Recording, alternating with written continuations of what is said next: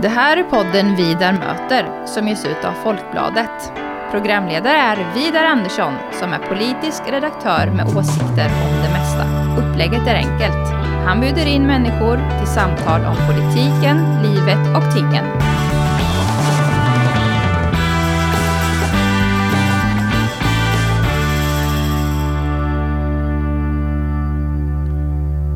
Välkommen till eh, Vidar möter, Mattias Ottosson. Tack så mycket. Du är eh, en av eh, Sveriges eh, mest erfarna försvarspolitiker. Ja, det kanske stämmer. Jag har ju suttit i försvarsutskottet i åtta år nu, så det är ju Ja, rätt många år vid det här laget. ja det är många år och du har före det också varit kommunstyrelsens ordförande i Norrköping Det stämmer. i tio år. Tio år där också. Ja. Ja. Ganska lång tid och ändå är du, har du bara precis fyllt 50. Ja, Ja. började tidigt. Ja, gjorde, gjorde du verkligen. Och ehm, vi sitter här i Norrköping. Det är fredagen den 1 april. Mm. Och ehm, uppdraget som försvarspolitiker har ju verkligen eh, förändrats. I, eller hur? Sedan eh, den 24 februari. Eller skulle du säga längre tillbaks kanske? Eller? Det har nog förändrats ännu längre tillbaka. Om man ska vara helt ärlig så kom jag ju in då för åtta år sedan. Och det var ju i samband med att vi hade den här ubåtskränkningen. Och sen dess har ju, och det var ju i samband med Krimkonflikten. Och sen dess Mm. har ju egentligen det säkerhetspolitiska läget i Europa försämrats konstant. Om man ska vara ärlig. Mm. Och hur har det förändrat försvarspolitiken? Skulle du säga? Ja, det gör ju att det blivit mer fokus på den. Mer fokus på nationell försvarsförmåga. Och, och det är klart att jag som varit med nu sedan 90-talet i, i politik har oftast varit med om att göra neddragningar, att göra den typen av förändringar. Men nu har vi ju byggt upp och bygger upp den svenska försvarsförmågan. Så det är klart, för mig är det lite annorlunda att få jobba med någonting som byggs upp. Sen kan ju det vara naturligtvis negativt i och med att det beror på att vi har ett säkerhetspolitiskt läge Mm. som är taskigt. Vi kommer ju från en situation, om man bara backar bandet lite hastigt här, början på 90-talet, muren faller, det kalla kriget upphör, Sovjetunionen går i, går i drickat. Och det var väl inte så konstigt egentligen att väldigt många började tänka att eh, ja, nu har fienden försvunnit. För Ryssland är ju vår arvfiende om man säger så. Och, och då ja, är det inte så noga med det nationella försvaret längre. Eller? Nej, så var det ju. Och du, både du och jag levde ju på den tiden Mm. och kom ihåg att vi pratar ju om den eviga freden. Ja, Sen kan man ju ja. tycka att historiskt perspektiv så är det här ganska naivt att tänka så. Ja. Samtidigt stod ju också just det svenska försvaret då inför en, att man skulle behöva förnya sig, för utveckla sig, få in ny teknik. Det här var precis i samband med att jag själv gjorde min värnplikt. Jag kommer ihåg, jag hade ju en kulsprutepistol liksom som var gjord på 40-talet. Så att det är klart att jag, man förstod ju att någonting var tvungen att göras. Och det är klart att samtidigt ställa om och det är fredsvindar som blåser. Det är ju lätt då att man också plockar ner någonting istället för att utveckla det till något nytt. Så att det var, jag tror jag var två saker som gjorde att det gick som det gick. Mm. För man, man kan säga, det har jag hört många hävda under årens lopp, så att, säga, att hela den här väldiga värnpliktsarmén som vi hade var mycket av en, en kuliss kanske med gammal materiel och lösplugg och ständigt underfinansierat och kanske inte, inte så mycket att ha i krig eller? Är det en riktig bild? Ja, en riktig bild vet jag inte. För det är klart att det fanns en försvarsförmåga då som var högre än vad den är idag. Det ska man väl liksom vara medveten om. Mm. Men däremot så, eh, det var ju inte så att det här skedde 1990. Utan det var ju ändå en viss neddragning. Alltså att styrkan var väl kanske som starkast i det svenska försvaret på 50 och 60-talet. Och sen började trappa av redan på 70 och 80-talet ska man nog vara ärlig och säga. Mm. Nu som du beskriver då sedan 2014 ett gradvis eh, uppbyggande eller återställande av eh, den nationella försvarsförmågan. Hur skulle du svara på den klassiska frågan då om den svenska beredskapen? Är den god? Ja, den blir allt bättre. Så skulle jag vilja svara på den frågan. För att egentligen det som har hänt sedan 2014 är ju att man bygger upp svensk nationell försvarsförmåga. Och nationell försvarsförmåga det handlar ju om att försvara landet så att säga. Vi hade ju en förmåga innan egentligen att åka ut på olika insatser av fredsbevarande uppdrag ute i, i världen. Och det var vi ju duktiga på. Men nu, är det ju, nu handlar det om att försvara ett stort territorium. Och det är klart att det är en omställning. Och jämför man med 2014 idag så är vi ju bättre. Men det finns ju fortfarande stora brister och det är mer kvar att göra. Mm.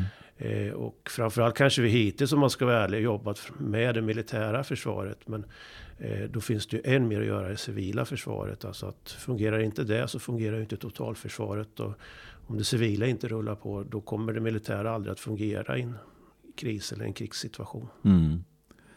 Eh, jag var inne och tittade på Försvarsmaktens eh, hemsida och enligt den då så vid årsskiftet 21-22 eh, så fanns det ungefär lite drygt 54 000 heltids eller deltidspersonal inom Försvarsmakten då inklusive hemvärnet.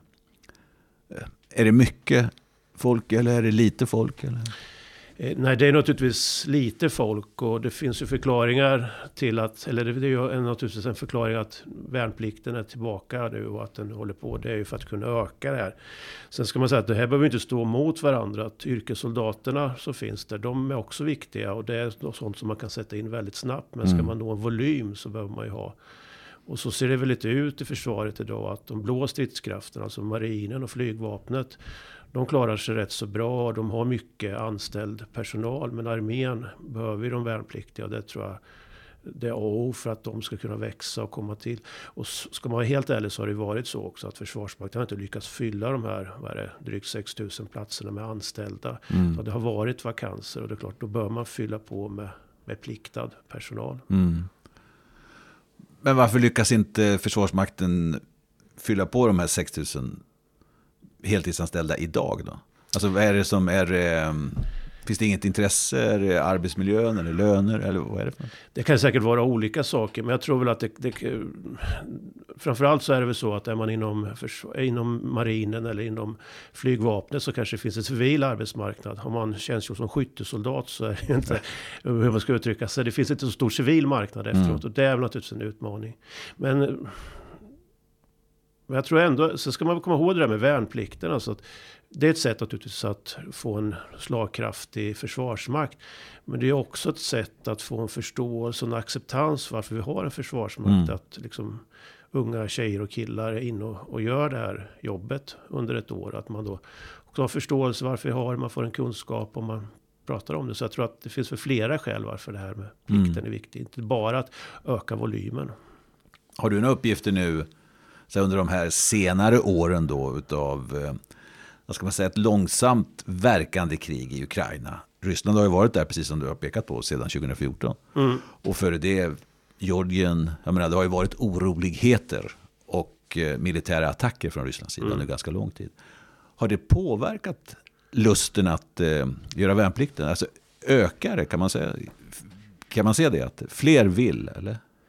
Finns... Ja, det tror jag. Och framförallt nu har man väl sett att det finns ett stort intresse att, att göra det.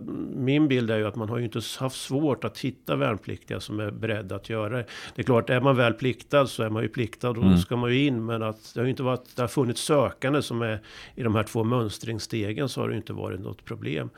Och jag tror att man har sett det nu också de här sista tiden när det har blivit väldigt skarpt. Att till exempel frivilliga som har sökt sig till hemvärnet har ju Mm. Ja, fyrdubblas höll jag på att säga. Det är ju ett jättetryck och det visar ju ändå att det finns ett intresse där ute i samhället och förståelse för vad, vad som sker och man vill ställa upp. Mm. Eh, vi talade för ett par minuter sedan om eh, den möjligtvis naiva inställningen, eller inte möjligtvis den naiva inställningen som, ehm, som jag förmodligen var en del av och som väldigt många andra var en del av då när Sovjetunionen försvann och alltihopa det där. Vi tänkte att nu, nu är freden här för att stanna. Men är det, är det omöjligt, eller hur, hur ser du på det? Krig, det är en del av människans liv på jorden. Det går inte att komma ifrån. Så är det nog tyvärr. Det dyker ju alltid upp tokstollar om man får uttrycka mm. sig så. Eh, och det är bara att titta i historieboken så har vi ju naturligtvis haft väldigt mycket konflikter. Och det kommer nog att upp, tyvärr uppstå konflikter i framtiden också. Och sen måste man ju som dämpa dem och motverka dem. Men det är klart att det förändras ju. Sverige är ju det land vi har varit med, i krig med flest gånger i Danmark. Och det mm. finns ju ingen som talar för att vi skulle hamna i konflikt med Danmark. Mm. Men det är klart att det är ju stökigt naturligtvis österut med Ryssland. Och det är mm. inte bara nu utan så har det ju alltid varit. Och det är mm. klart att en stor granne är ju alltid en stor granne så att säga. Mm. Och det är Ryssland det handlar om. Det är det som... Eh, är det den alltså, säkerhetspolitiska bedömningen som råder i Sverige? Det är Ryssland det handlar om? Ja, det är i vårat närområde ja. så är det ju Ryssland. Mm. Runt Östersjön så är det ju så. Men det är klart att tittar vi på hela världen så är det ju stökigt i Sydkinesiska sjön med Kina. Och mm. Det finns ju andra områden i världen som är komplicerade också. Men det är klart att nu kommer det nära oss. Och Ryssland är en av stormakterna och finns i vårat mm. närområde. Mm. Eh, jag lyssnar på några riksdagsdebatter här eh, på riksdagens eminenta hemsida. Man klickar på ditt namn och då får man fram alla debatter du har varit med i. Okay. Ja, och eh, det kan jag rekommendera om man liksom vill följa den politiska debatten. Så är riksdagen, det är ändå där det, det avgörs. Det är mängder med debatter som liksom sällan kommer till allmänhetens kännedom. Utan man får anstränga sig för att hitta mm. dem. Och 15 februari så diskuterade ni försvarspolitik. Det var alltså bara nio dagar före Rysslands stora militära angrepp på mm. Ukraina. Och då sa du så här att eh, i ett inlägg, eftersom du är socialdemokrat och eh, vi har en socialdemokratisk regering så drar du på dig mycket repliker naturligtvis. Det, det, är du som representerar regeringspolitiken i utskottet kan man säga, i de här debatterna. Hur som helst, du sa så här att eh, ja, det går åt fel håll. Det ser mörkt ut. Det var din ingång i en av de här replikerna i ditt anförande. Och du beklagade att det kanske inte var de, de unga människorna i Sverige vill höra. Men att det är så det ser ut. Kan du utveckla det lite? Ja, det är ju... Vi har ju under ganska lång tid sett hur ja, Ryssland har byggt upp sin försvarsmakt och börjat uppträda mer och mer aggressivt och blir mer och mer auktoritär stat. Och i det här samband med det här så, vi vet ju att det har pågått ett lågintensivt krig vid gränsområden, de östra gränsområdena i Ukraina sedan 2014 och ännu längre tillbaka i Georgien då, där man också ockuperat vissa områden. Men det vi såg här nu, det var ju att det växte, alltså att man mobiliserade och hade militärövningar, flyttade ja, försvarsmateriel till gränsen och allting tydde ju på att det skulle bli ett storskaligt krig. Mm. Och det är klart att det är första gången på 80 år då som ett annat land anfaller. Krig har vi ju haft tidigare mm. i, i, Europa, eller, eller andra världskriget. Men på det här sättet att ett land anfaller ett neutralt, liksom helt oskyldigt land. Det hade vi ju inte sett. Sen, och det, naturligtvis så är det en mörk bild som man målar upp. Sen kanske det här anfallet vart värre än vad många experter trodde. Många trodde ju att det var att Ryssland skulle gå in och ta delar av östra Ukraina. Mm. Men uppenbarligen nu så är det ju ett försök att ta kontrollen över hela landet. Så att, eh, och vi har ju sett att det är en rätt så gammeldags eh, teknik man använder och en brutal teknik där man liksom försöker bomba sönder och samman landet för att ta över makten. Och det är klart att det är ju ett fruktansvärt lidande för alla civila som bor där. Vi, mm. vi, vi matas ju med bilder om vad, vad man just nu upplever. Mm. Men samtidigt så ska man ju också säga att ett litet land som Ukraina, eller att geografin naturligtvis ett mm. stort land, men en liten försvarsmakt ändå kan på ett bra sätt stå emot. Det har väl också överraskat lite. Nu ska det ju sägas att Västeuropa, inklusive Sverige, har ju under rätt många år varit på plats och utbildat den ukrainska armén. Mm. Men att man ändå lyckas på ett bra sätt möta en så överlägsen så att säga i storlek försvarsmakt, mm. det, det, är också någonting som, alltså den här viljan att försvara sitt land ska inte underskattas. Kriget har nu pågått i fem veckor. Hur länge kommer det pågå? Vad tror du? Eh, jag tror att det kommer att pågå länge. Och det är många som säger att det här skulle vara avgjort på en vecka eller två veckor och Ryssland tar över. Så vart det ju inte. Men jag tror nog att innan vi vet hur det här har slutat, hur den nya säkerhetspolitiska ordningen ser ut i Europa. Det kanske vi är tio bort tio år bort i tiden. Alltså mm. att det här är ju rätt så långa cykler och hur det här kommer att utvecklas. Mm. Uh, riksdagens eh, försvarsberedning, där alla åtta partier sitter och är en väldigt viktig motor för den försvarspolitiska utvecklingen i, i, i Sverige, slog ju fast här för i sin senaste rapport, eller om det var sin näst senaste, att ett ja, militärt förslag. angrepp eh, på Sverige kan inte uteslutas. Har eh, risken för ett militärt angrepp ökat nu under de här sista fem veckorna? Ett angrepp på Sverige? Jag tycker det ser likadant ut. Att ett militärt angrepp kan inte uteslutas. Men i dagsläget så är det väl så att Ryssland har fullt upp någon annanstans. Men sen det behöver ju inte bara vara militära angrepp. Det kan ju vara sabotage av olika sätt. Eller cyberangrepp och den typen. Och där tror jag att vi måste nog förbereda oss på att det kommer att bli allt vanligare tyvärr. Mm. Alltså det som vi upplevde i somras när Coop inte kunde öppet på några dagar. Där tror jag tyvärr så innan det blir bättre kommer det bli sämre. Att vi får nog vänja oss att den typen av angrepp kommer att komma. Att vi kommer inte kunna tanka bilen för att systemen ligger nere. Och mm. tyvärr så kommer sånt att tror jag, växa. Mm. Och det är också ett sätt att skapa oro, oreda och mm. konflikter. Mm. Det finns ju en författare här i, i, i Norrköping, Göran Holm, heter han, som eh, ja, han är ingen etablerad författare men skriver jättebra böcker. Och nyligen så kom hans bok Civilisationen krackelerar ut. Som utspelar sig eh, fem år framåt i tiden i Norrköping. Där ryssen går in. Det är inget huvudmål, Norrköping och Sverige. Men man behöver ett brohuvud för att gå vidare. Och, och det är så ruggigt beskrivet alltså hur på några veckor bara så är landet i, i ruiner. Alltså mm. rådhuset är bombat. Eh, alla stora industrier är borta. Affärerna är plundrade, folk svälter ihjäl. Inget fungerar. Hur snabbt det kan gå. Ja. Eller hur? Ja. Jag tror att man ska få vara lite förberedd på det här också. Att eh, man som privatperson liksom förbereder sig på att det kan vara stökigt och hur man klarar sig mm. en stund. Och det är ju så att skulle den här typen av angrepp dyka upp jag pratar inte om regelrätt krig, men att vi ändå blir utsatta för olika attacker, att energisystemet stängs ner eller någonting. Att man klarar sig så att myndigheterna får liksom fokusera på de som behöver myndigheternas stöd mest. Alltså mm. gamla och äldre och sjukvård och sådana saker. Så jag tror att man ska ha en viss beredskap. Sen tror jag inte folk ska bli sådana här preppers. Man behöver liksom inte gräva ner sig i marken och bo i tre månader. Mm. Utan, men att man klarar sig en vecka. Mm. Eh, det, det ryska stora angreppet på Ukraina eh, 24 februari det innebar också stora politiska förändringar får man väl säga. Att eh, för första gången sedan ryssen 1939 anföll Finland så har ju Sveriges riksdag engagerat sig militärt på ena sidan i ett pågående krig och skickat pansarskott. Och det, pansarskott låter inte så farligt, men det är liksom ett, ett kraftfullt vapen för, försvarsvapen och som man ska använda då för att eh, oskadliggöra ryska stridsfordon. Mm.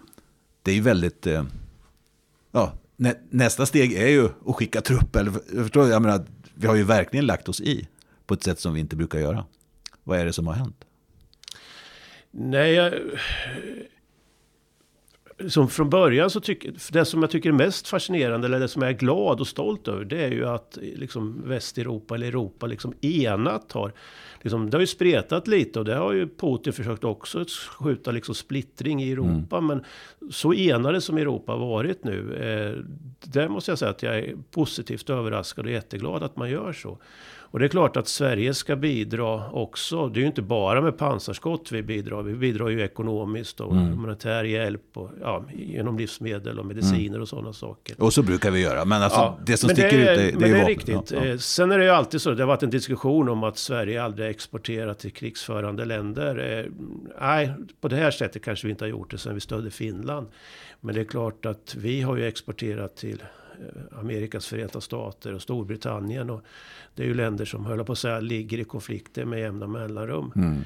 Men det är klart att det är ett steg. Och, men jag tycker att det är helt rätt. Och sen tror jag också att jag tror många svenskar, inklusive mig, känner igen sig i Ukrainas situation. Det är ett liksom, mm. alliansfritt land som liksom inte försöker stöta sig med sina grannar. Och Putin gör de här uttrycken att ni ska tycka så här, ni ska inte gå med i NATO, ni ska inte gå med i EU, ni ska vara... Och det är klart att som svensk och i Sverige, vi är också ett alliansfritt land och vi känner ju att vi själva vill bestämma och ska få bestämma hur vi vill göra. Och det tror jag att, där tror jag är viktigt att markera också att varje land är suveränt och ska kunna fatta sina egna beslut. Och det tror jag också påverkat att vi på det sättet har stöttat Ukraina. Mm. Sverige har ju en lång eh, tradition så att säga av, eh, ja egentligen sedan eh, ja, 80-90 år tillbaka så att säga att olika varianter av neutralitet eller alliansfrihet. Att röra sig så mellan öst och väst, mellan stormakterna under hela det kalla kriget och så vidare. Fast det var väl en offentlig hemlighet var vi hörde hemma. Ja. Att, ja, ja, visst. Men ändå att eh, man höll sig på, på, på, sin kant och vi gick inte med i NATO och vi gick inte med i EU heller. Utan vi höll oss där. Sen har vi gått med i EU. Och nu då de här sista veckorna då, så har ju eh, medlemskapet i NATO för Sverige och Finland framförallt då står ju väldigt högt på dagordningen. Och eh, det pågår ju alldeles uppenbart en omorientering. Så att säga, i, eh, jag hörde mm. statsminister Magdalena Andersson här tidigare i veckan i SVT.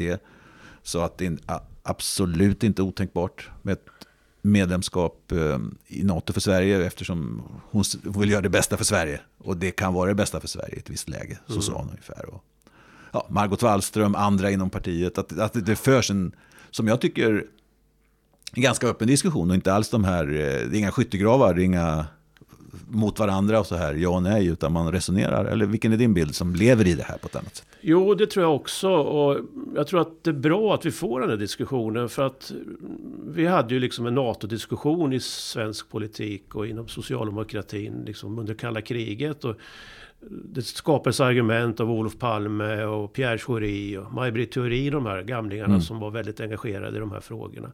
Men det var ju under en annan tid, alltså ett kallt krig, Warszawapakten mot NATO, eh, mm. hela Europa var uppdelat. Och så kom ju den eviga freden då, eller vad ja. man ska kalla det. Och då är det icke-fråga, vi pratar ju inte om NATO överhuvudtaget. Och NATO vet jag inte om de pratar med varandra heller, utan det var ju en icke-fråga under ett mm. antal år. Eh, men nu har det uppstått ett nytt läge och då tror jag att det är bra att man har tillsatt de här grupperna. och Att man för en diskussion och man hittar argument. Det kan ju vara så att man inte ska vara med i NATO, men man ska vara med i NATO. Men jag tror att man måste hitta argumentation och ett resonemang i dagens samhälle, mm. hur det ser ut. Eh, och sen är det naturligtvis viktigt att liksom, den nära relation som vi har med Finland och som vi har byggt upp, att vi liksom hanterar den här frågan tillsammans med Finland. Mm. Det tror jag är viktigt. Och sen är det klart, vi har ju samarbeten med de flesta länder och eh, över den transatlantiska länken är viktig för oss också. Men det är klart, nu är vi i ett speciellt säkerhetspolitiskt läge och den här diskussionen tror jag är oerhört viktig. Mm. Och den pågår ju nu. Finnarna kommer väl att komma fram med sin utredning redan här om någon vecka. Och mm. sen är det väl i maj då som den svenska ska vara klar. Så vi ligger ju lite efter Finland, eller de är lite tidigare i sin mm. diskussion. Din egen inställning till de här frågorna, har det påverkats mycket under de här veckorna? Eller? Var ligger du någonstans? Ligger du närmare att vi bör gå med eller ligger du närmare att vi inte bör gå med? Eller? Nej, jag tycker vi ska ha diskussionen och det är klart att eh, kräver det säkerhetspolitiska läget att vi ska ompröva vår inställning till NATO, då måste vi naturligtvis göra det för att svensk säkerhet är ju det viktigaste. Mm. Men jag tror att det är viktigt att den här dialogen liksom får, får rulla på nu och att vi liksom ja, vänder på de argument som finns och hur det ser mm. ut. Eh, får jag fråga dig, om man säger, vilket är det främsta argumentet mot ett svenskt medlemskap i NATO? Jag, jag kan inte. Alltså, vilket är det främsta som du säger? Nej, men det, det enda är väl att man ska vara... Som, den situation som vi är nu, att man ska vara lite försiktig när det är en konflikt och hur man uppträder som land och sådana saker. Eh, jag tror att jag tycker finnarna liksom hanterar frågan lite mognare. Vi håller på att göra till någon slags valfråga.